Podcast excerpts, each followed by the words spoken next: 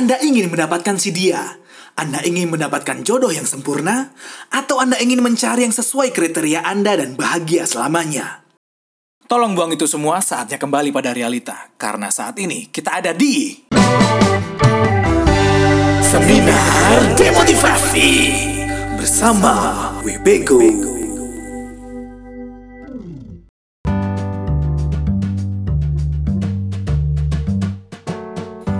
Halo semua, kembali lagi dalam seminar demotivasi bersama saya Webego di mana kita akan membicarakan tentang realita-realita kehidupan yang kita ketahui bersama bahwa memang hidup tak seindah quote-quote inspirasional di Instagram.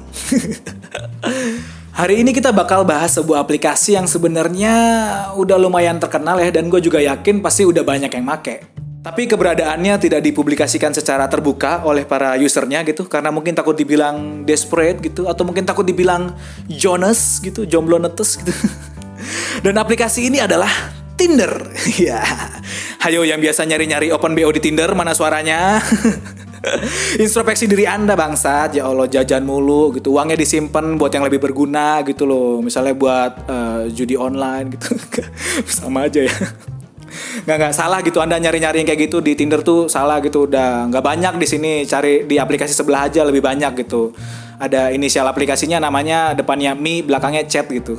Dicari aja sendiri Nih mungkin banyak yang nggak ngerti itu apa itu open BO ya. Ini jangan-jangan ada yang ngira open BO itu yang biasa buat pesan-pesan barang gitu ya. Bukan, bukan beda itu.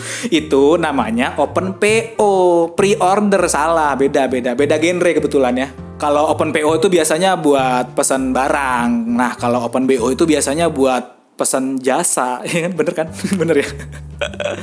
nah, gue lihat sekarang tuh Tinder makin besar ya, dilihat dari iklan yang makin banyak di sosmed gitu. Bahkan kayaknya sampai pernah jadi sponsor di program TV juga. Jadi gue ngerasa usernya sekarang makin banyak gitu. Ya dengan tujuan mereka masing-masing lah.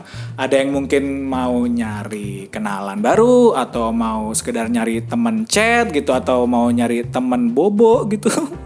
Mungkin bisa aja gitu. Nah kenapa kali ini gue pengen bahas tentang Tinder gitu? Karena beberapa hari yang lalu gue mendapatkan kiriman cerita dari seseorang yang dikirimkan ke podcast seminar demotivasi di webego at gmail.com gitu. Kalian yang pengen cerita atau pengen curhat juga boleh ngirimin ceritanya ke sini. Jadi dia ini menceritakan kisahnya tentang saat dia berkenalan dengan seseorang cowok di Tinder gitu. Tentunya bukan perkenalan biasa ya. Jadi kisahnya ini cukup unik gitu. Gue udah lihat sekilas sih, kelihatannya ceritanya seru banget ya. Jadi nanti gue bakal bacain di akhir podcast. Jadi buat kalian yang pengen tahu gimana ceritanya, silakan mendengarkan podcast episode ini sampai akhir. Tapi sebelumnya gue juga bakal nyeritain pengalaman pribadi gue dulu tentang Tinder gitu karena gue juga pernah menjadi Tinder user ya dan karena gue pribadi juga punya beberapa pengalaman gitu di aplikasi ini. Yang bisa dibilang pengalamannya ya cukup unik. Ada yang enak ada yang ada yang enak. Maksudnya ada yang baik ada yang juga yang bisa dibilang nggak baik gitu Sebenarnya gue tahu aplikasi ini tuh udah lama gitu. Jadi gue udah tahu lama ada aplikasi yang namanya Tinder ya. Gue sekedar tahu ada aplikasi dating dating gitu yang biasa dibuat dipakai mantap-mantap gitu ya. Gue tahunya dulu kayak gitu. Tapi pertama kali gue ngeliat aplikasi ini tuh waktu sekitar semester-semester akhir waktu kuliah gitulah. Jadi pertama kali gue lihat bentukan aplikasi ini, gue ngeliat secara langsung itu adalah di kos teman gue, di HP-nya teman gue gitu. Namanya Aji. Nah, si Aji ini emang dia emang veteran Tinder gitu karena udah lama banget dia main Tinder gitu. Dan emang sepak terjangnya cukup canggih juga di dunia pertinderan ini tuh. Jadi ibarat kuliah doi ini Tindernya udah S2 gitu coy saking saking jagonya gitu. Jadi gue tuh dulu sering main ke kos dia dan tiap hari gue ke sana gue selalu ngeliat si Aji ini di pojokan gitu megang HP gitu sambil nge-swipe kiri, swipe kanan gitu gue liatin kan nih lagi main minion rush apa gimana nih gitu kan zaman dulu ada gitu ada ada game yang terkenal namanya Minion Rush gitu. Gue gua kirain kan lagi main game biasa gitu loh. Terus gue liatin lagi kan gue perhatiin gitu. Nge-swipe kiri nge-swipe kanan sendirian di pojokan gitu. Ngeliat cewek seksi dikit di Tinder coli gitu. Nggak nggak nggak Nah akhirnya karena gue kepo akhirnya gue pinjem lah HP-nya si Aji gitu. Gue pengen lihat gimana sih caranya main si aplikasi Tinder ini gitu. Ternyata gampang cuma tinggal swipe kiri swipe kanan gitu. Ntar ada super like gitu. Terus misalnya nanti match kita bisa chat dengan orang itu gitu. Nah, karena kos si Aji ini dekat sama kampus gitu jadi awalnya gue cuma pinjem Tinder dia tuh buat nyariin anak-anak kampus yang ternyata juga main Tinder gitu loh. Nah biasanya gue screenshot terus gue jadiin bahan gibah gitu loh. Jahat banget gue ya emang nggak baik nggak baik gue nih.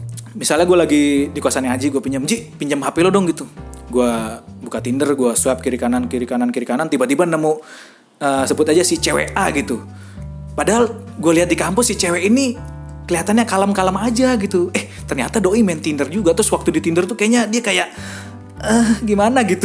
Gimana gitulah pokoknya nggak bisa dibahasakan gitu. Pokoknya beda aja kepribadiannya antara di kampus sama di Tinder gitu loh. Terus gue nge-swipe swipe lagi dapat lagi si cewek B gitu. Padahal gue lihat di kampus doi ini udah punya pacar coy. Pacarnya ganteng ke mana-mana berduaan mulu tapi masih main Tinder aja. Terus gue swipe lagi swipe lagi nemu si cewek C ya kan pas gue lihat bionya di Tinder tulisannya cari yang serius. Ya Allah. Kata gue mah cari yang mau dulu aja neng. Sosok cari yang serius lagi ya elah. Nah kenapa gue bilang si Aji ini adalah veteran Tinder gitu Karena memang dia jago gitu mainnya coy Jadi kebetulan si Aji ini di kampus termasuk anak yang pinter lah bisa dibilang kayak gitu Nah saking pinternya dia Si Aji ini main Tinder aja tuh berkonsep gitu loh Biasanya kan kalau cowok-cowok Tinder tuh masang fotonya di profilnya tuh pasti foto-foto terkeren versi dia kan? Dengan baju-baju andalannya dia ya kan? Dengan pose-pose tergaharnya dia dengan baju Supreme gitu. Pokoknya yang yang kelihatan keren-keren gitulah. Pose-posenya di atas motor gitu kan biar kelihatan sangar gitulah. Nah, kalau si Aji ini dia main di pasar-pasar yang niche gitu loh. Nah, karena sering banget nih kita lihat di bio Tindernya cewek-cewek gitu ya, itu ada tulisannya nyari cowok baik-baik. Nah, si Aji ini nih bermain di area-area itu gitu loh si Aji ini berusaha memenuhi kebutuhan pasar di mana ada cewek-cewek yang pengen banget main Tinder tapi pengennya dapet cowok baik-baik. Nah, si Aji ini menyasar pasar-pasar itu gitu loh. Dan dia berusaha sebagaimana mungkin terlihat sebagai cowok yang baik-baik gitu loh. Jadi kalau cowok-cowok Tinder lain kan ingin terlihat sesangar mungkin di foto profilnya kan. Nah, si Aji ini nih cukup mengisi profilnya dengan dua foto aja gitu loh. Foto pertama adalah nih gue hafal banget fotonya dia nih. Foto yang pertama tuh adalah foto monokrom di depan tembok dengan baju polos dan dengan muka yang gak kalah polosnya gitu. Nah, foto kedua dia adalah foto dia saat lagi pakai baju adat Jawa lengkap yang fotonya diambil saat nikahan abangnya. Nah gue tau banget tuh. Jadi di saat cowok-cowok Tinder lain ingin terlihat bad boy, si Aji ini cukup dengan konsep cowok polos dengan kearifan lokal gitu loh. Jadi cewek-cewek saat lihat foto dia kan juga nggak bakal mikir aneh-aneh gitu loh. Maksudnya kan hal terburuk apa yang bisa dilakukan mas-mas polos di depan tembok yang hobinya pakai baju adat gitu loh maksudnya kan. Cewek juga bakal mikir, ah sepertinya ini mas-mas baik-baik gitu, lihat dari fotonya sih. Oke lanjut ya.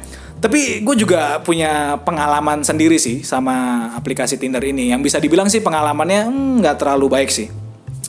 Nah karena lama kelamaan gue sering minjem Tindernya si Aji, akhirnya gue lama-lama udah kayak admin Tindernya dia gitu loh.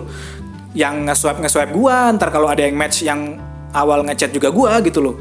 Nah pada suatu hari gue lagi main ke kos Aji nih, si Aji bilang, eh Be, nih di Tinder ada match baru lagi nih gitu, lu chat gitu. Ya karena gue melakukan tugas gue sebagai admin Tindernya si Aji kan. Ya udah akhirnya gue buka Tindernya terus gue lihat eh ternyata ada dua yang match. Yang satu namanya Kesha satu lagi namanya Nadia gitu kan. Pas gue lihat fotonya waduh lumayan nih kan bisa nih kan. Dari namanya aja udah kelihatan gitu cakep emang. Jadi namanya Kesha, Nadia, Raisya, Isyana gitu. Biasa cewek-cewek yang huruf belakangnya A tuh cakep-cakep emang ya kan. Terus ada Pevita, Danila, Bude Sumiati. Enggak, enggak, enggak ya. Sayangnya belakangnya tidak A ya. Terus akhirnya ya udah gue memutuskan untuk ngechat dua-duanya lah eh dua-duanya bales ternyata. Soalnya kan ada kemungkinan biasanya meskipun kita udah match, terus kita chat, misalnya chat kita tidak menarik di mata dia, ada kemungkinan dia nggak bales gitu loh. Ternyata ini dua-duanya bales. Nah akhirnya gue bingung kan, karena gue bingung kan harus balas yang mana gitu, karena ada dua cewek kan. Akhirnya gue mau ngomong sama si Aji, eh Ji, ini kita bagi dua aja ya kan, kita paruan gitu. gitu. Main Tindernya paruan kayak makan roti sobek anjing. ya kita jadi ntar lu Kesya gua Nadia gitu ntar misalnya uh, si Kesya ngechat Aji yang bales. Nah kalau si Nadia yang ngechat, gua yang bales gitu. Akhirnya ya udah kita ngechat ngechat gitulah. Gua ngechat sama si Nadia. Tapi karena gua masih pakai akun Tindernya si Aji, akhirnya gua ngomong sama si Nadia. Eh Nadia, gua nih sebenarnya pakai akunnya temen gua gitu. Uh, mau nggak kita kalau pindah ngobrol ke Instagram? Nih kebetulan aku udah ngefollow kamu nih di Instagram gitu.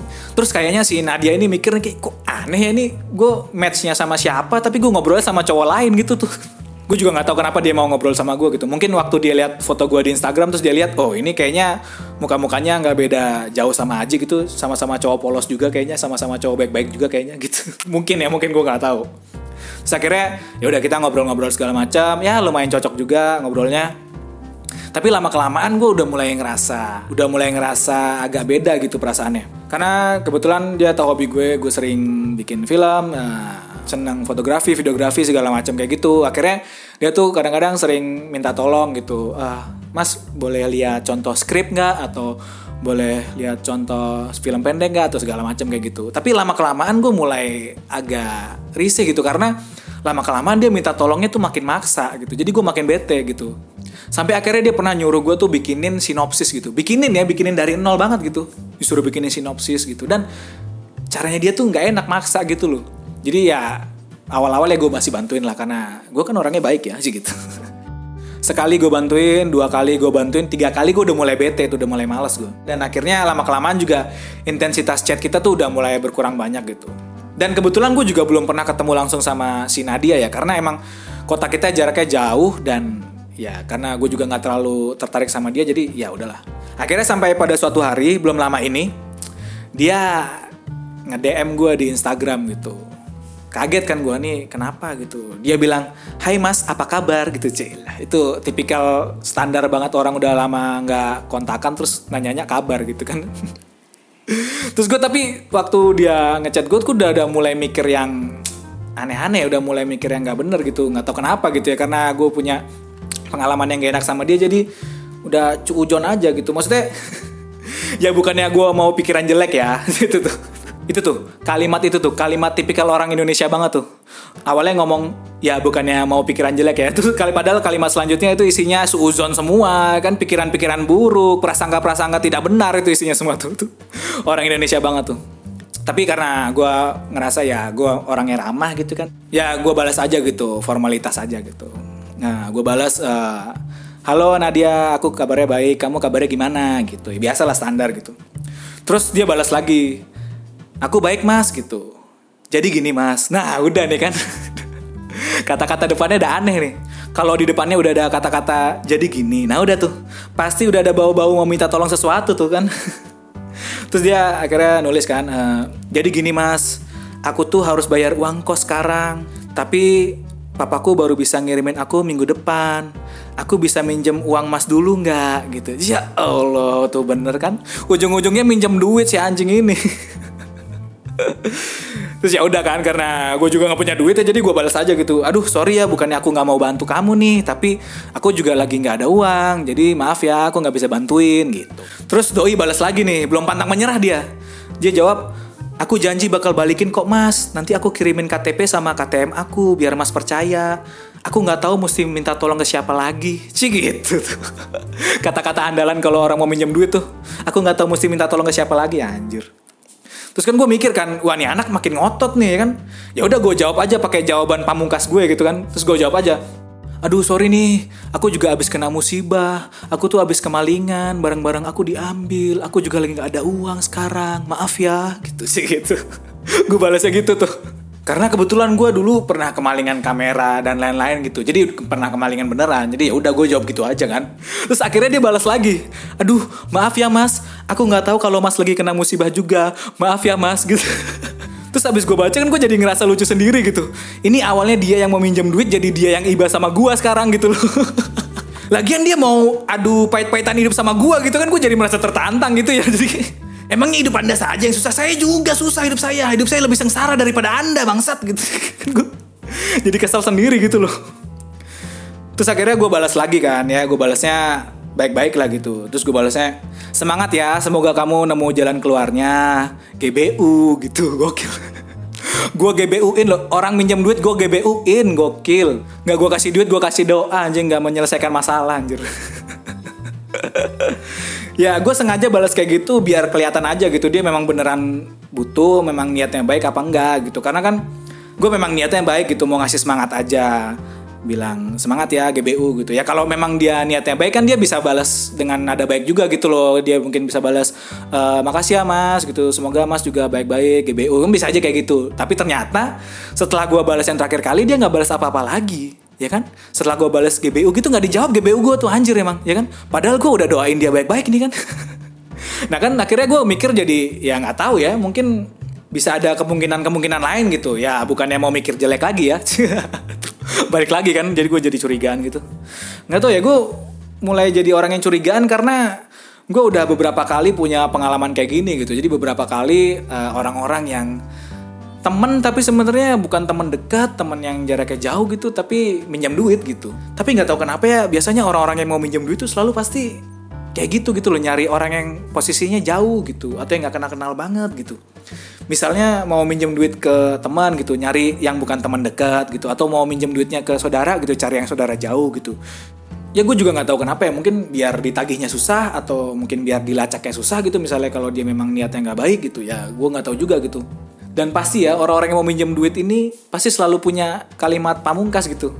Pasti mereka bilang aku nggak tahu mesti minta tolong ke siapa lagi kenapa gue yang jaraknya jauh jadi orang yang terakhir yang bisa bantuin lu anjir gue bingung sendiri gitu loh jadi ya pesan buat si Nadia aja nih, semoga kamu memang lagi butuh waktu itu ya memang kamu tujuannya baik gitu bukan mau dipakai yang tidak baik gitu.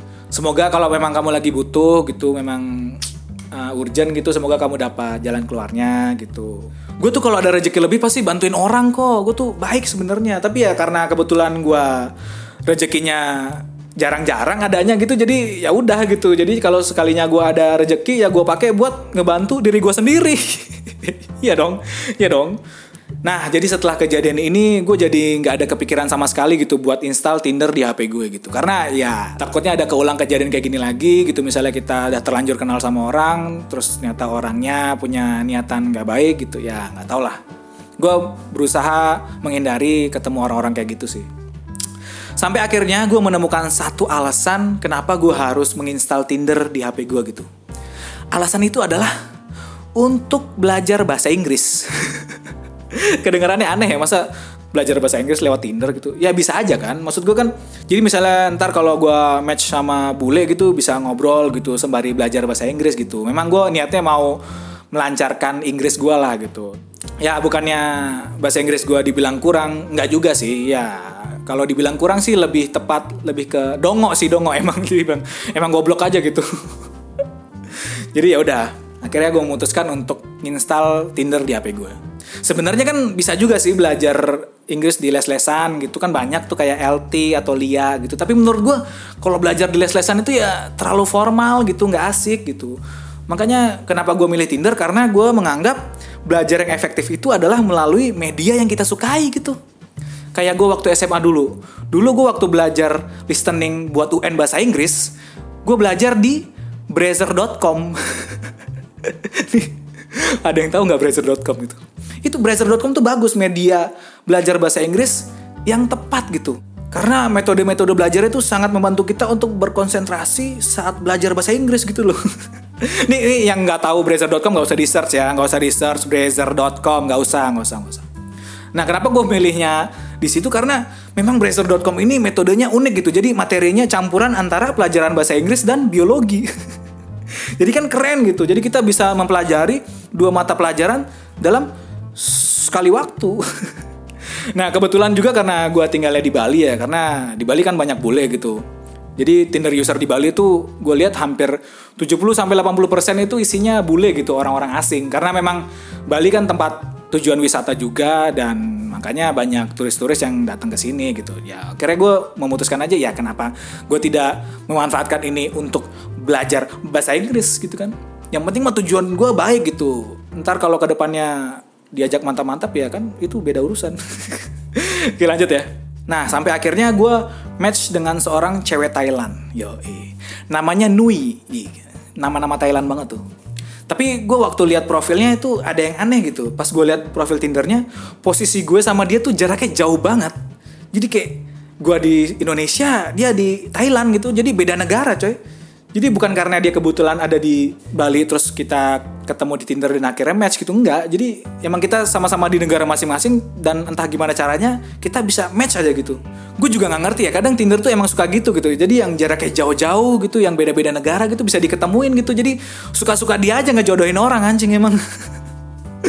akhirnya gue uh, mulai ngechat si Nui inilah si cewek ini gitu. Ternyata gue chat chat chat, nyata orangnya seru juga gitu. Dan kita punya interest yang sama juga di bidang kreatif dan kebetulan dia juga pekerjaannya adalah seorang editor video di sebuah media gede gitulah di Thailand. Akhirnya kita mulai ngobrol tentang interest kita lah, tentang pekerjaan kita masing-masing. Ya kayak gitu-gitulah standar. Akhirnya uh, eh, gue memutuskan untuk pindah chatnya ke DM Instagram gitu, biar lebih personal gitu, biar lebih tahu satu sama lain gitu. Nah, akhirnya kita follow-followan Instagram nih. Nah, setelah lihat Instagram dia tuh gue rada kaget gitu loh. Karena di Instagram kan gue bisa ngeliat foto dia dalam jumlah yang lebih banyak gitu loh. Gue scroll-scroll, lihat kiri kanan kiri kanan, buset. Ini cewek tuh fashionable banget coy. Tapi fashionnya itu bukan yang gimana-gimana, yang lebih ke arah nyentrik gitu loh. Pokoknya nyentrik banget lah.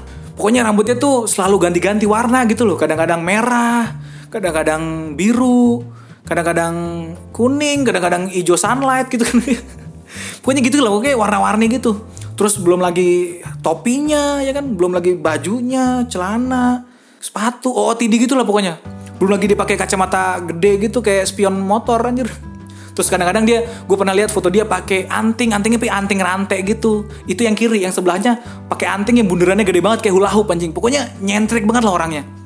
Tapi pas gue lihat ini dia nggak nggak gayanya tuh nggak alay gitu dia cocok aja pakai pakaian-pakaian itu jadi dia emang pinter mix and match fashion gitulah pokoknya nih Anya Geraldine, Aukarin, Real nya aja kalah nyentriknya sama Doi nih anjir Pokoknya dia tuh kalau dilihat ya dari atas ke bawah tuh fashionnya rame banget dah warna-warni gitu kayak pasar malam anjir.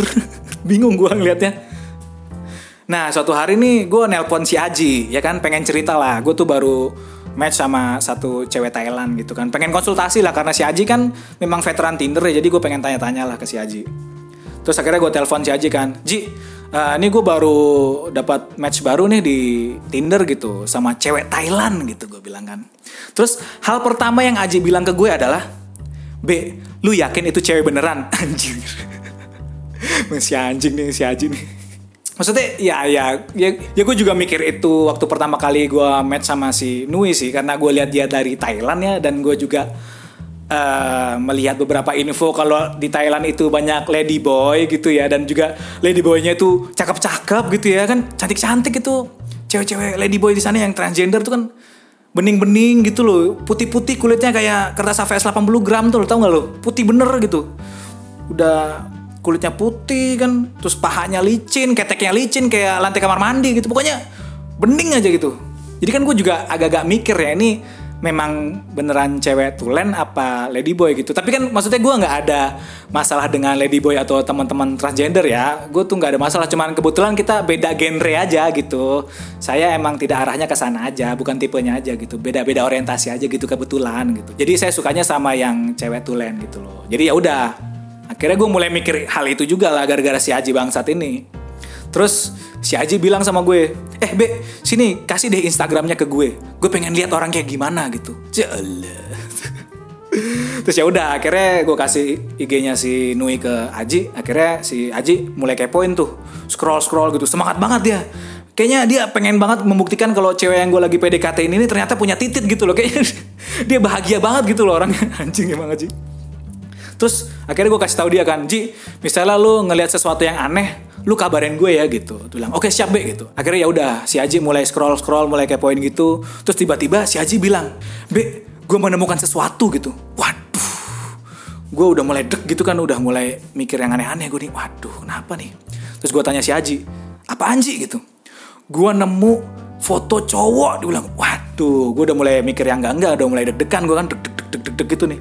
Terus gue tanya, emang caption fotonya apaan? Terus si Haji bilang, caption fotonya I miss him. Ya elah, perkara I miss him doang mah nggak masalah dong, ya kan? Kalau ada foto cowok terus captionnya I miss him, nggak masalah kan? Siapa tahu itu bisa aja itu pacarnya, atau mungkin itu mantannya, atau mungkin itu temennya kan bisa aja gitu. Jadi nggak ada masalah kalau captionnya cuma I miss him doang gitu. Yang jadi masalah adalah saat di IG-nya si cewek ini ada foto cowok, terus captionnya I was him. Nah itu tuh, itu baru masalah ya kan? Jadi membuktikan kalau ternyata si cewek ini adalah mas mas gitu. Tapi ternyata enggak. Cuma tulisannya cuma I miss him doang. Jadi ya udahlah itu nggak masalah lah Ji. Gue bilang kayak gitu kan. Terus akhirnya dia terus dia tuh terus kepoin nge-scroll nge-scroll ke bawah gitu. Akhirnya udah mentok tuh sampai fotonya dia paling akhir sampai foto-foto dia waktu SMA dan ya nggak ada terlihat sesuatu yang aneh gitu dia masih bentukannya sama aja gitu. Jadi kita menyimpulkan bahwa memang si Nui ini adalah cewek tulen gitu ya kan? Terus akhirnya gue lega gitu kan. Bukannya gimana-gimana ya gue takutnya aja gitu. Takutnya besok kalau gue mau ngajak si Nui mantap-mantap ya kan? Udah gue bawa dia ke kamar matiin lampu gue buka celana. Eh ternyata di selangkangan kita sama-sama punya lightsaber ya kan main pedang gitu ya kan? Sing sing sing gitu kan repot gitu loh. Nah kan gue untuk menghindari hal-hal tersebut. Tapi ternyata enggak. Ternyata si Nui ini memang cewek tulen gitu. Jadi ya udah gitu. Nah tapi setelah lihat foto-fotonya si Nui ini si Aji tuh juga takjub gitu loh. Karena dia ngelihat ih be gila nih si cewek ini fashionnya nyentrik banget ya gitu. Warna-warni banget gitu. Rame banget hidupnya gitu. Lu dapet cewek ini dari mana gitu? Ya nggak tahu. Tanya Tinder aja gue bilang gitu. Tapi memang ya ini saking nyentriknya ya. Gue pernah lihat di IG story-nya si Nui ya. Dia tuh pernah ke kantor pakai baju motif zebra coy. Zebra zebra yang yang loreng-loreng hitam putih tau kan? Kuda zebra yang biasanya kita lihat di National Geographic tau kan ya? Itu kan maksudnya. Gue kaget aja gitu loh. Maksudnya pas gue lihat bajunya zebra celananya zebra. Jadi kayak lagi cosplay jadi zebra aja gitu loh. Jadi gue kira kan selama ini gue menganggap bahwa fashion item yang paling aneh yang pernah gue lihat adalah emak-emak pakai legging macan tutul gitu loh ternyata ternyata sekarang gue bisa ngelihat cewek jalan-jalan pakai kostum zebra gitu tuh aneh banget menurut gue tapi maksudnya ya bukannya gimana-gimana ya gue takut aja ke depannya gitu loh. Misalnya gue serius sama si doi ini terus gue mau ngenalin si cewek gue ini ke keluarga gue gitu. Terus kan gue nggak bisa membayangkan gimana reaksi emak gue waktu tiba-tiba gue pulang ke rumah bawa-bawa zebra gitu loh. Emak gue kan pasti kaget gitu. Terus emak gue ntar bilang kamu habis dari taman safari gitu bawa, -bawa kuda zebra gitu. Nggak nggak nggak. Bukan bukan ini cewek bukan kuda gitu. Tapi bukan cuma itu gue takutnya ke depannya fashion si Nui ini makin ekstrim gitu loh. Gue takut dia makin lama kelamaan bajunya makin aneh-aneh gitu. Sekarang dia pakai baju kuda zebra ntar lama-lama lama besok-besok dia pakai kostum kuda catur ya kan? Repot gitu loh maksudnya. Masa gue jalan sama kuda catur tiba-tiba ntar di jalan ada yang ngomong skakmat! gitu kan gue bingung ya maksudnya. Nah terus yang jadi masalah buat gue juga adalah uh, jarak gitu. Karena kan kita tuh jaraknya jauh banget. Ini antar negara gitu Indonesia sama Thailand. Nggak bisa naik ojol doang terus nyampe. Nggak bisa gitu. Jadi untuk interaksi yang lebih intim gitu tuh agak susah gitu loh. Jadi interaksi gue sama dia cuma sebatas texting aja sebatas di HP doang gitu loh. Nggak bisa ketemu gitu. Nah terus ada teman gue nih nyaranin eh be lu ajak aja dia video call seks. Astagfirullahalazim ya kan gue mikir ya Allah ya bagus juga sih idenya maksud gue boleh juga sih idenya. Tapi gue tuh bukan yang nggak mau tapi malu aja gitu loh maksudnya. Kan kalau video call seks itu kan interaksi kita kan sebatas dari HP gitu loh jadi nggak bisa ketemu langsung gitu. Jadi gue malu aja gitu di saat teman-teman gue yang seumuran udah pada ngewe gue masih coli-coli aja sendiri gitu kan malu gitu loh. Jadi secara experience mungkin menyerupai tapi secara strata sosial gue beda jauh gitu loh Aduh anjing anjing. Tapi jarak itu emang jadi masalah sih. Jadi ya gue ngerasa Tinder ini emang lagi ngerjain gue aja gitu. Bukannya nyariin jodoh tapi malah nyariin masalah baru gitu anjing. jadi ya gitulah beberapa pengalaman gue seputar uh, aplikasi Tinder ini yang ada yang unik, ada yang juga yang ada yang gak asik juga. Ya mungkin teman-teman yang lain juga punya pengalaman. Bisa diceritain ke sini gitu. Atau punya pengalaman yang sama absurdnya kayak gue gitu. Oke, jadi sekarang gue bakal bacain uh, kiriman cerita dari seseorang yang udah dikirimin ke podcast seminar demotivasi. Oke, jadi judul dari cerita ini adalah Story of Me. Ya Oke, langsung gue bacain ya. Hai, aku Ningsih. Dalam kurung bukan nama asli. Cile gitu. Kamu unik juga ya nyari nama samaran namanya Ningsih gitu. Ningsih itu kayak nama-nama gadis desa gitu nggak? Nama-nama kembang desa gitu yang lugu, yang apa kuncir belakang, yang manis pokoknya gitu. Atau jangan-jangan kamu terinspirasi dari ini ya Bu Ningsih ya? Tuh nggak Bu Ningsih yang sering ngobrol sama orang-orang kesurupan tuh nggak? Yang viral itu Ningsih! Gitu. oke lanjut ya. Hai aku Ningsih. Aku seorang perantau yang sekarang lagi menyelesaikan kuliah di kota X jadi aku di sini pengen cerita tentang pengalaman aku ketemu dengan seorang cowok di Tinder sebut saja namanya Are waduh Are Are aja nggak mau minuman Awalnya main Tinder karena temen suka cerita tentang aplikasi ini. Jadi iseng pengen buktiin sebodoh apa sih mereka sampai sering banget main Tinder. Celo gitu. Enggak, enggak. Mereka tuh nggak bodoh. Cuma emang pada nafsu aja. Lanjut ya. Jadi iseng pengen buktiin sebodoh apa sih mereka sampai sering banget main Tinder. Dan tentunya sebelumnya aku udah izin ke pacar aku dalam kurung status LDR. Waduh, waduh. Udah punya pacar, statusnya LDR, terus iseng main Tinder. Waduh, saya udah bisa mencium arah-arahnya mau ke mana nih ceritanya nih. Oke, lanjut ya. Jadi bulan Juni 2019, pada hari pertama main Tinder, dalam kurung, BTW aku pakai foto asli tapi nama palsu. Oke, banyak yang kayak gitu kok. Lokasi lagi di rumah, muncul akun seorang cowok. Aku malah fokus ke background fotonya yang berupa rumah yang terasa sangat familiar. Tertera di Tinder, lokasi dia di bawah 1 km. Aku kira mungkin dia temannya tetangga di kanan rumah. Namanya Mas Gung. BTW, masnya ganteng. WKWKWK aja gitu. Pengen banget anda sama Mas Gung. Akhirnya aku swipe right. Eh ternyata langsung match. Terus kali ini aku coba perhatikan wajahnya. Kayak familiar tapi entah pernah dilihat di mana. Besoknya dia mulai chat duluan. Oh gitu. Oke ini jadi dia juga melampirkan beberapa potongan-potongan chatnya ya gokil nih. melampirkan bukti-bukti otentiknya nih gokil. Tapi di screenshotan chatnya ini udah disensor beberapa kata ya. Ini aku asumsikan sih yang kamu sensor ini nama asli kamu, nama asli si cowok dan mungkin nama kota juga ya. Ya nggak apa-apa lah. Kita hargai untuk privasinya dia gitu. Yang penting dia udah berani untuk nyeritain ceritanya ke sini. Ini gue bacain potongan chatnya yang yang awalnya ya. Si cowok ngechat, "Oi" gitu. Terus si Ningsih jawab, "Hi there." Iya, elah. Terus si cowoknya jawab lagi, nggak percaya sih cantik gini masih jomblo. Kamu jomblo nggak? Iya gitu. Langsung tuh poin. Terus si Ningsih jawab lagi, kenapa emangnya? Si cowoknya jawab, kalau kamu jomblo, kamu ku deketin. Kalau kamu nggak jomblo, tetap ku deketin juga. Iya, elah emang dasarnya anda nafsu aja bangsat. Oke lanjut ya. Dari awal cara dia chat nggak basic kayak beberapa match yang lain. Kayak hai, salam kenal, anak mana, kuliah atau kerja nih. Jadi cukup seru buat nanggepin dia. Hah? Gimana sih? Gimana nggak basic anjing? Dia cuma ngomong oi doang ya Allah.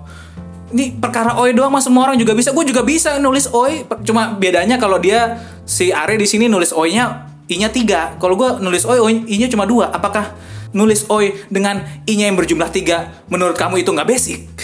Aneh banget sih nih sih itu mah biasa aja emang kayaknya emang si cowoknya ganteng aja jadi emang kamu juga pengen gitu oke lanjut ya dan ternyata besoknya dia sebutin namaku dan nama Pak Satpam di perumahan Seketika aku langsung ngeh, kayaknya orang ini adalah cowok yang sering nongkrong di pos satpam dan naik motor besar yang berisik banget.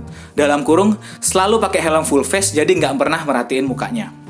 Dan bener, ternyata dia adalah cowok yang sering main di pos satpam dan main sama Mas Ucup. Dalam kurung, Bapak Satpam Komplek. Oke, kamu detail ya sampai memberikan spesifik nama Bapak Satpam kamu yaitu Mas Ucup. Oke, thank you. Dan ternyata rumah kita deketan. Waduh, buset di sini dia sampai ngelampirin denah komplek dia, coy. Gokil, thank you buat detail banget Anda ya. Niat emang Anda mengungkap aib sendiri ya. Jadi ini biar buat penggambaran buat kalian ya. Jadi rumahnya si Ningsi dan si Are itu beda satu rumah. Bentuknya komplek gitulah. Dan di depan rumah Ningsi dan Are itu ada jalan dan di seberangnya lagi ada pos satpam. Jadi bisa dilihat di sini antara pos satpam dan rumahnya Ningsi dan rumahnya si Are itu saling berdekatan gitu. Kayaknya komplek orang kaya deh ini. nggak tahu ya. Setelah itu dia minta tukeran kontak, tapi aku nggak kasih. Dan setelah itu dia udah nggak pernah chat lagi. Sampai beberapa minggu kemudian, akhirnya dia chat lagi buat ngajak janjian ketemu untuk pertama kalinya. Buat kenalan secara langsung. Oke. Okay. Pertengahan Juli, Akhirnya kita pergi nyari makan malam bareng. Dia jemput aku naik mobilnya. Waktu ngelewatin pos satpam, para bapak-bapak satpam heran dan seperti terkejut. Mungkin pikir mereka, kok kita berdua bisa saling kenal? Dan akhirnya mereka cuma senyum-senyum aja sambil bukain portal. Cile gitu. Pak Satpam kepo banget dah. Biasa pak anak muda kayak ngerti aja ya lah. Lanjut ya. First impression aku ke dia, he's funny. Ya gitu. Harus gitu ngomongnya. He's funny. Cukup enak diajak ngobrol walaupun masih sama-sama canggung dan jaim. Sampai ketika lagi OTW pulang, dia minta tolong connect HP aku ke stereo mobilnya buat denger lagu karena baterai HP-nya habis. Langsung terputar lagu yang terakhir aku dengerin yaitu adalah lagu Chop Suey dari System of a Down. Waduh. Dalam kurung, emang kebetulan aku suka dengerin band ini. Dan Ari langsung kaget sembari ngomong, Astaga Ningsih! gitu kan kaget soalnya dia nulisnya di sini caps lock semua coy. Jadi Astaga Ningsih gitu kayak kayak, kayak histeris banget gitu loh. Astaga Ningsih, selama ini kamu ke mana aja sih? Kenapa kamu tipe aku banget dan baru sekarang kita ketemu? Ya Allah gitu, saai kata Mbak. Setelah itu dia request lagu A, lalu lagu B, dan seterusnya sampai aku sadar ternyata aku sama Are punya selera musik yang sama. Lama-lama kita udah jadi nggak canggung lagi dan malah nyanyi bareng. Sambil berkali-kali dia bilang, kok ada sih cewek kayak kamu? Kenapa baru kita ketemu sekarang sih? Kamu emang bener-bener deh di luar ekspektasi aku. Kenapa kamu harus udah punya pacar sih? Ilah, ada, ada, ada. Mulai sang ya sepertinya. Honestly, that was quite romantic for me. Soalnya jarang banget ada yang muji selera musik aku yang cukup berbeda dari kebanyakan orang. Tapi tidak bisa dipungkiri waktu dipuji gitu rasanya seneng dan langsung mikir, wah ini bakal jadi temen yang seru banget. Iya gitu, aduh si Arenya udah sange mikir aneh-aneh. Si Ning sih hanya bilang jadi temen yang seru banget. Temen, temen doang. Ya Allah, aduh semangat ya Mas Are. Oke lanjut ya. Akhirnya sampai rumah. Say goodbye ke dia, lalu aku ngeliat bapak-bapak satpam pada masih ngeliatin sambil senyum-senyum. Ih, ikut campur aja urusan anak muda Pak Satpam. Tapi selanjutnya komunikasi kita cuma 2 sampai 3 kali say hello di Tinder karena lupa tukeran kontak. Akhir Juli aku wisuda. Dari pagi sampai sore di kampus, lalu pulang ke rumah. Dikasih selamat oleh bapak-bapak satpam. Anyway, aku emang udah soy banget dah dengan para bapak-bapak satpam komplek. Waktu masuk rumah mau bersihin makeup, eh si Are datang ke rumah bawa bunga plus boneka sebagai hadiah wisuda. Ih, cie. Kemudian Are kenalan sama ortu aku.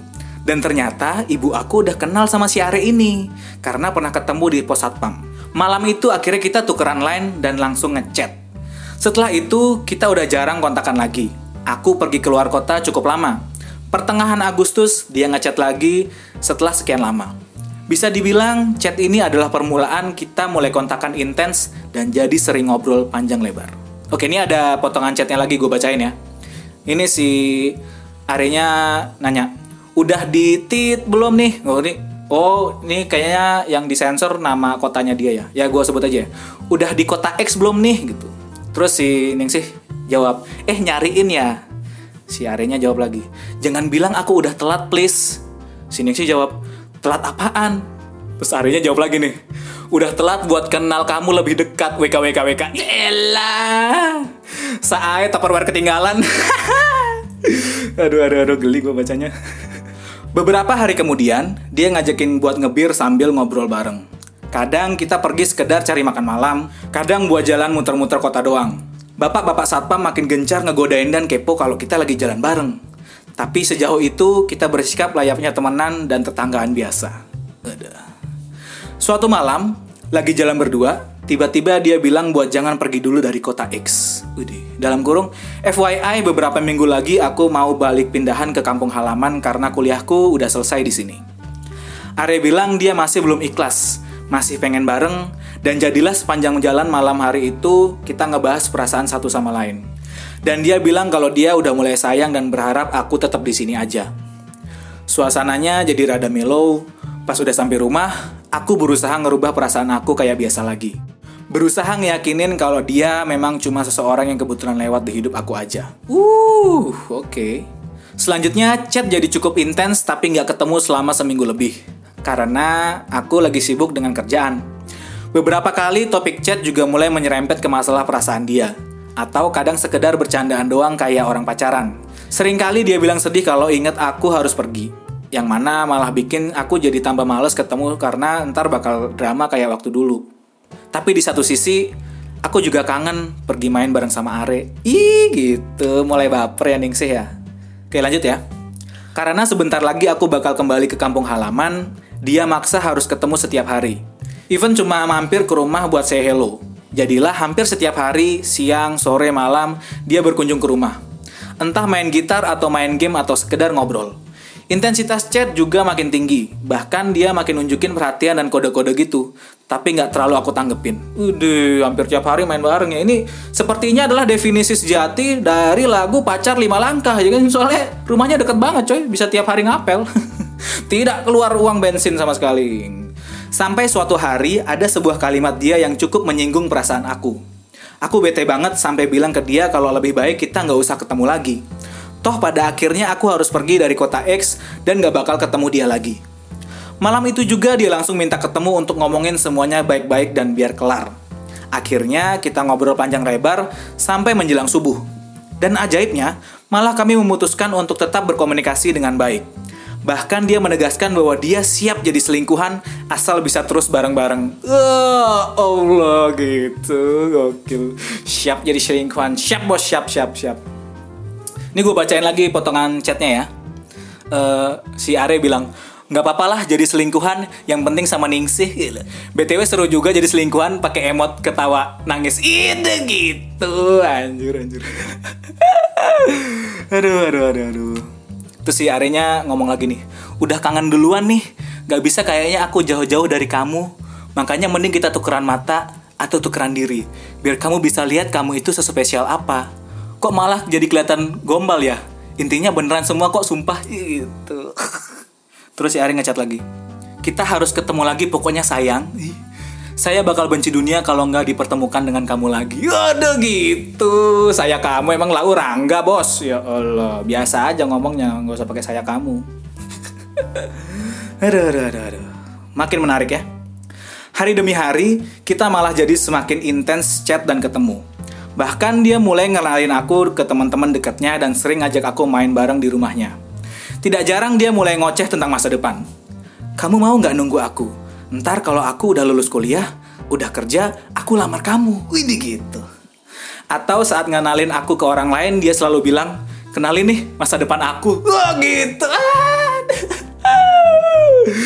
Saat tumbler Starbucks. Lanjut ya. Di bulan September, saat lagi ngobrol, tiba-tiba dia bertanya tentang keadaan aku dengan pacar aku. Kemudian untuk pertama kalinya dia bercerita tentang seorang sepupu perempuannya. Dalam kurung, sebut saja namanya Mimi. Dan dia cerita kalau kadang dia bingung harus bersikap gimana sama sepupunya ini. Karena katanya si sepupunya ini baper sama dia. Hah, gimana? Kok sepupu baper anjir? Aneh bener. Aku cukup kaget dengernya. Ya aku juga sih kaget, kebetulan. aku cukup kaget dengernya. Dia bilang si Mimi ini adalah sepupu ketemu gede dan baru pertama kali ketemu bulan Juli kemarin saat si Mimi liburan bareng keluarganya. Pertemuan mereka yang singkat itu ternyata bikin si Mimi baper sama Are. Dan juga jealous karena sepertinya si Mimi tahu kalau aku lagi deket sama Are. Idi didi, mulai menarik bosku. Aku bingung, kenapa Are baru cerita sekarang padahal mereka udah ketemu di bulan Juli. Aku mulai ngerasa ada yang gak beres yang biasanya Are selalu ceria saat nyeritain sesuatu ke aku, tapi kali ini sikap dia beda. Dia kelihatan bingung dan seperti nyembunyiin sesuatu dari aku. Akhirnya dia juga cerita kalau minggu depan Mimi mau liburan ke sini dan nginep di rumah dia. Tapi yang paling aneh adalah saat Are minta ke aku supaya kita nggak saling kontak dulu selama Mimi ada di sini. Uduh, duh, Saat itu juga aku langsung mikir, what the fuck? Waduh, itu tulisannya beneran what the fuck soalnya.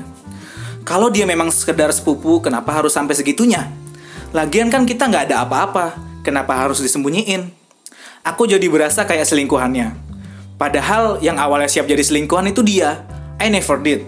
gitu. Dia mohon sama aku buat minta waktu dua minggu aja untuk nggak saling kontak. Dia cuma takut Mimi makin sensi sama aku dan akhirnya nanti jadi salah paham. Mulai-mulai seru. Terus aku tanya ke Are, kamu juga suka sama Mimi? Dia bilang enggak. Tapi dia nggak bisa jauhin Mimi karena mereka sepupu dan gak enak sama keluarganya. Dia terus berusaha ngeyakinin aku bahwa dia nggak punya perasaan apa-apa ke Mimi.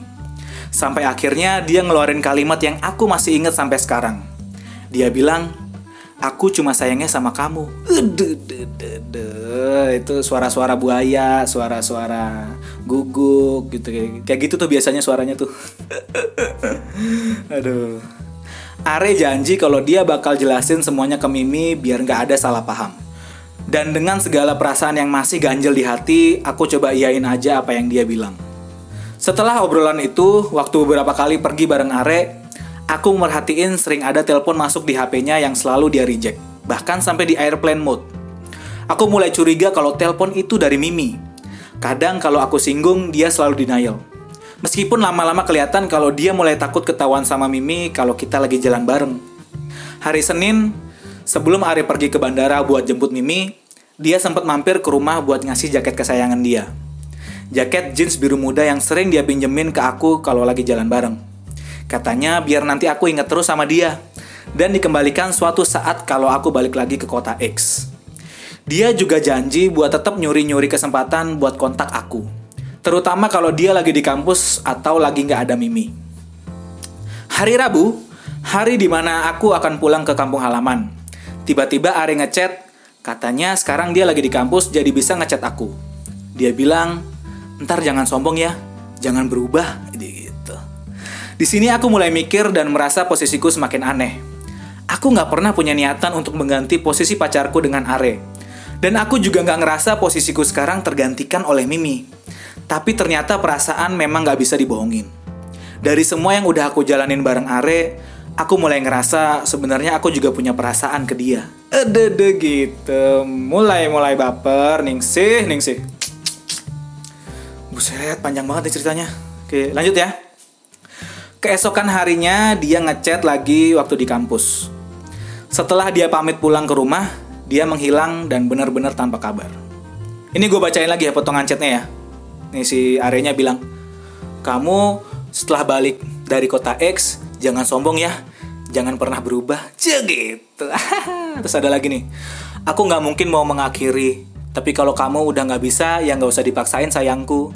Terus di bawahnya chatnya disensor, sensor, sensor, sensor semua. Ya Allah, nih Anda niat apa enggak ngasih informasi sih? Ini kenapa disensor semua? Berasa KPI lu, nyensor-nyensor mulu. ini nih ada lagi. Apa pun yang terjadi, kamu adalah cewek terbaik yang pernah kupeluk sih gitu. Dan kayaknya nggak bakal ada yang bisa nyaingin. Gitu. Terus si sih jawab terus mau sampai kapan kayak gini? Kan udah ada gantinya gitu. Terus si Are jawab lagi hei belum ada gantinya sampai sekarang. Kalaupun ada lagi nggak tergantikan. Eh gimana sih? Maksudnya katanya nggak tergantikan terus kamu bilang kalaupun ada lagi nggak tergantikan maksudnya apa bangsat aduh gini ya chat-chat kalau lagi kasmaran tuh emang aneh-aneh kayak gitu sumpah. Ya kalian yang dengerin juga pasti ngerasa geli tapi pasti pernah juga ngelakuin hal yang sama sih. Gue juga pernah sih. Tapi sih terakhir dulu chat alay gini sih waktu SMP sih. Oke lanjut ya. Tapi ternyata setelah hari itu kita bener-bener lost contact. Tiga minggu lebih udah berlalu tapi dia masih belum ada kabar. Padahal dulu dia cuma minta waktu dua minggu aja buat Mimi. Tapi ternyata minggu ini aku harus balik lagi ke kota X untuk mengambil beberapa barang yang masih tertinggal di rumah. Berarti akan ada kesempatan aku bertemu kembali dengan Are secara langsung. Aku mulai ngerasa aku harus menyelesaikan hubungan yang super aneh ini. Ya iya, gue juga ngerasa aneh anjir, gimana sih? anda punya pacar, ketemu sama Are, Arenya juga punya seseorang yang Anda belum tahu dia siapa. Anda cuma iseng, totonya sekarang baper juga. Aduh, aduh, aduh, aduh, aduh. Lanjut ya.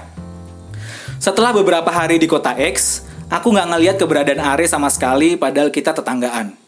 Aku tetap menahan diri karena aku ngerasa pasti Are masih bareng sama Mimi.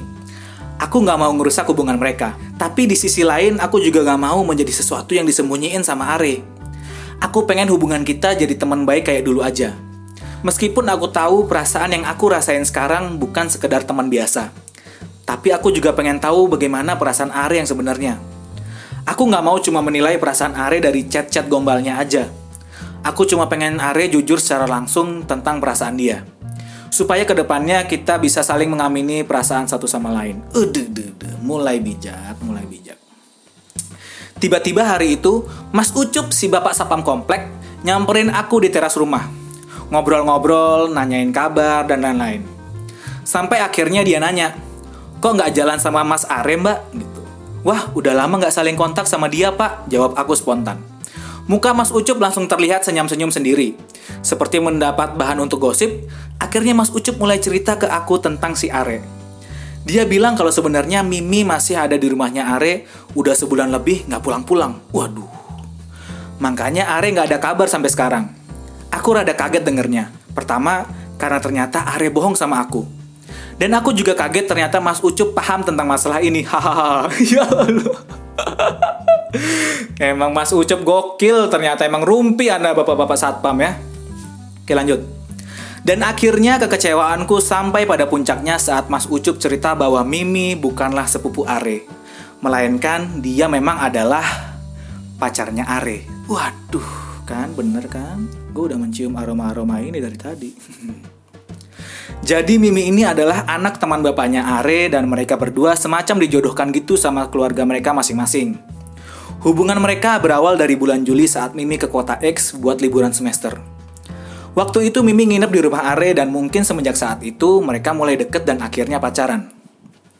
Mas Ucup bersama bapak-bapak satpam and the gang. bapak-bapak satpam and the gang anjing.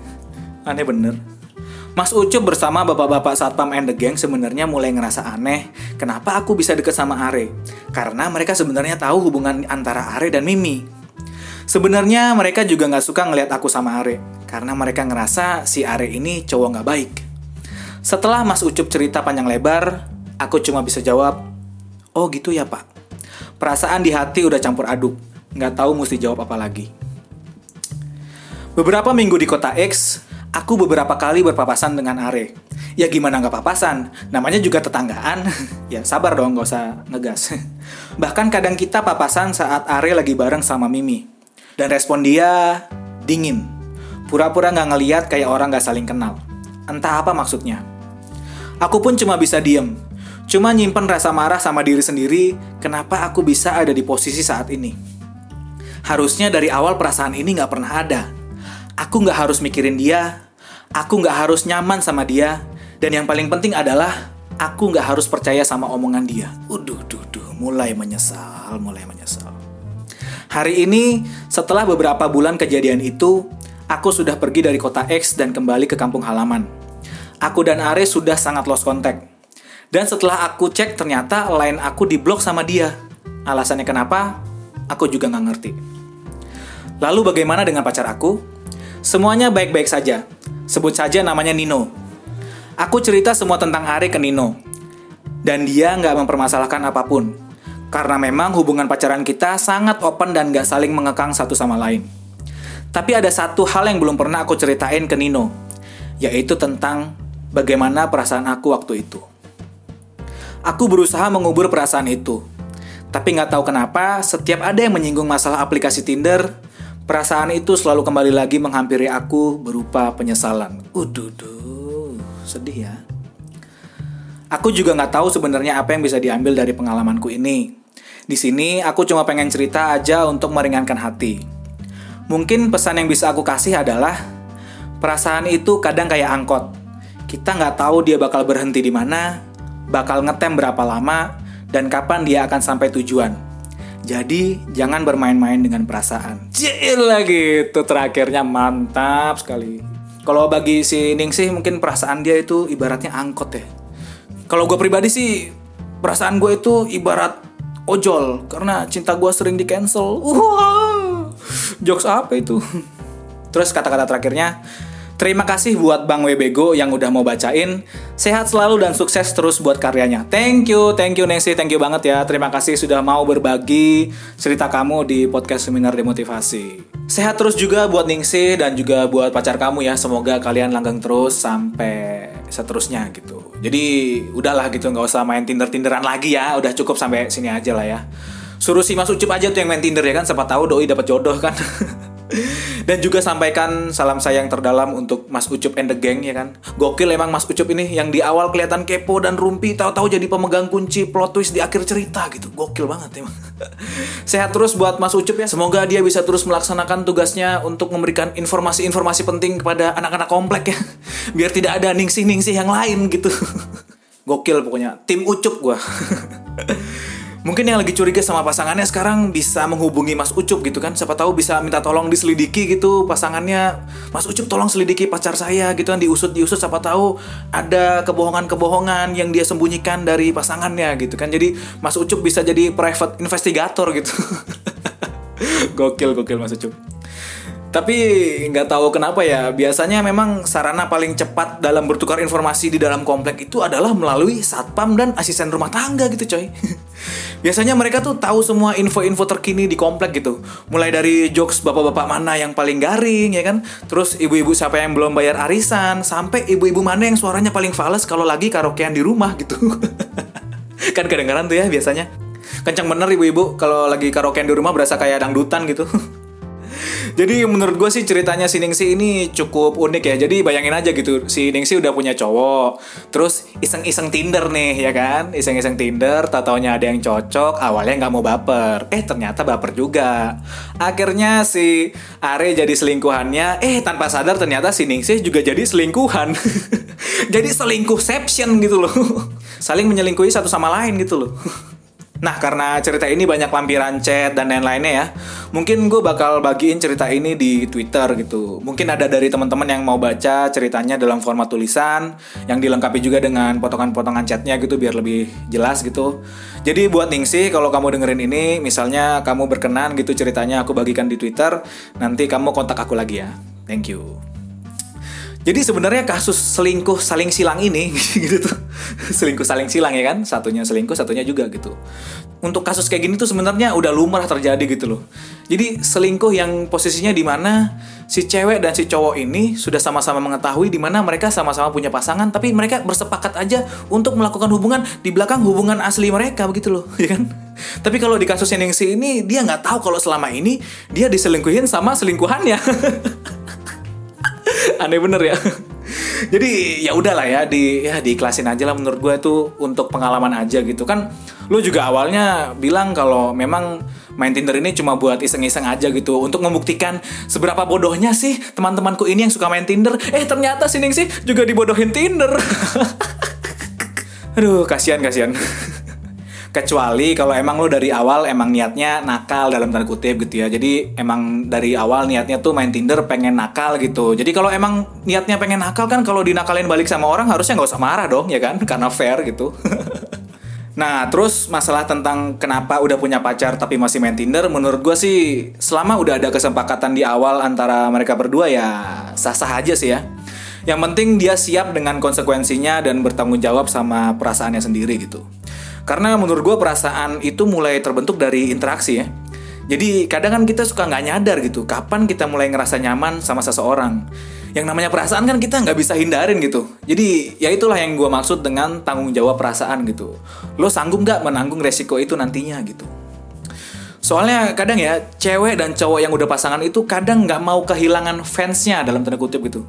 Soalnya selama ini mereka ini udah ngerasain banyak benefit dari para fans-fansnya ini itu nggak? Fans-fans yang teman-teman dia nih kan yang pengen deket sama dia tapi karena dia udah punya pacar ya udah deh nggak apa-apa nggak jadi pacar dia tapi yang penting bisa deket aja gitu.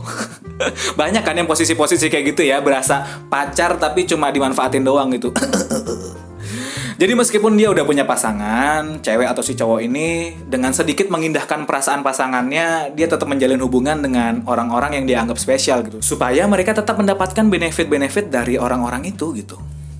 Jadi saran buat Ningsih sih lu coba jujur sepenuhnya aja ke pacar lu gitu. Meskipun tadi lu udah cerita ya di dalam cerita lu lu bilang kalau lu udah bercerita semuanya tentang Are ke pacar lo gitu. Tapi kan lu bilang tadi ada satu hal yang belum lu sampein ke pacar lo gitu yaitu adalah bagaimana perasaan lo ke Are gitu.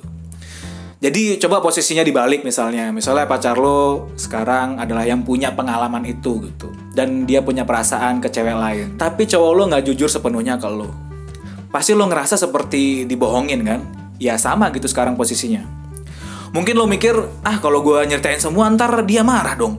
Kalau gue diputusin gimana?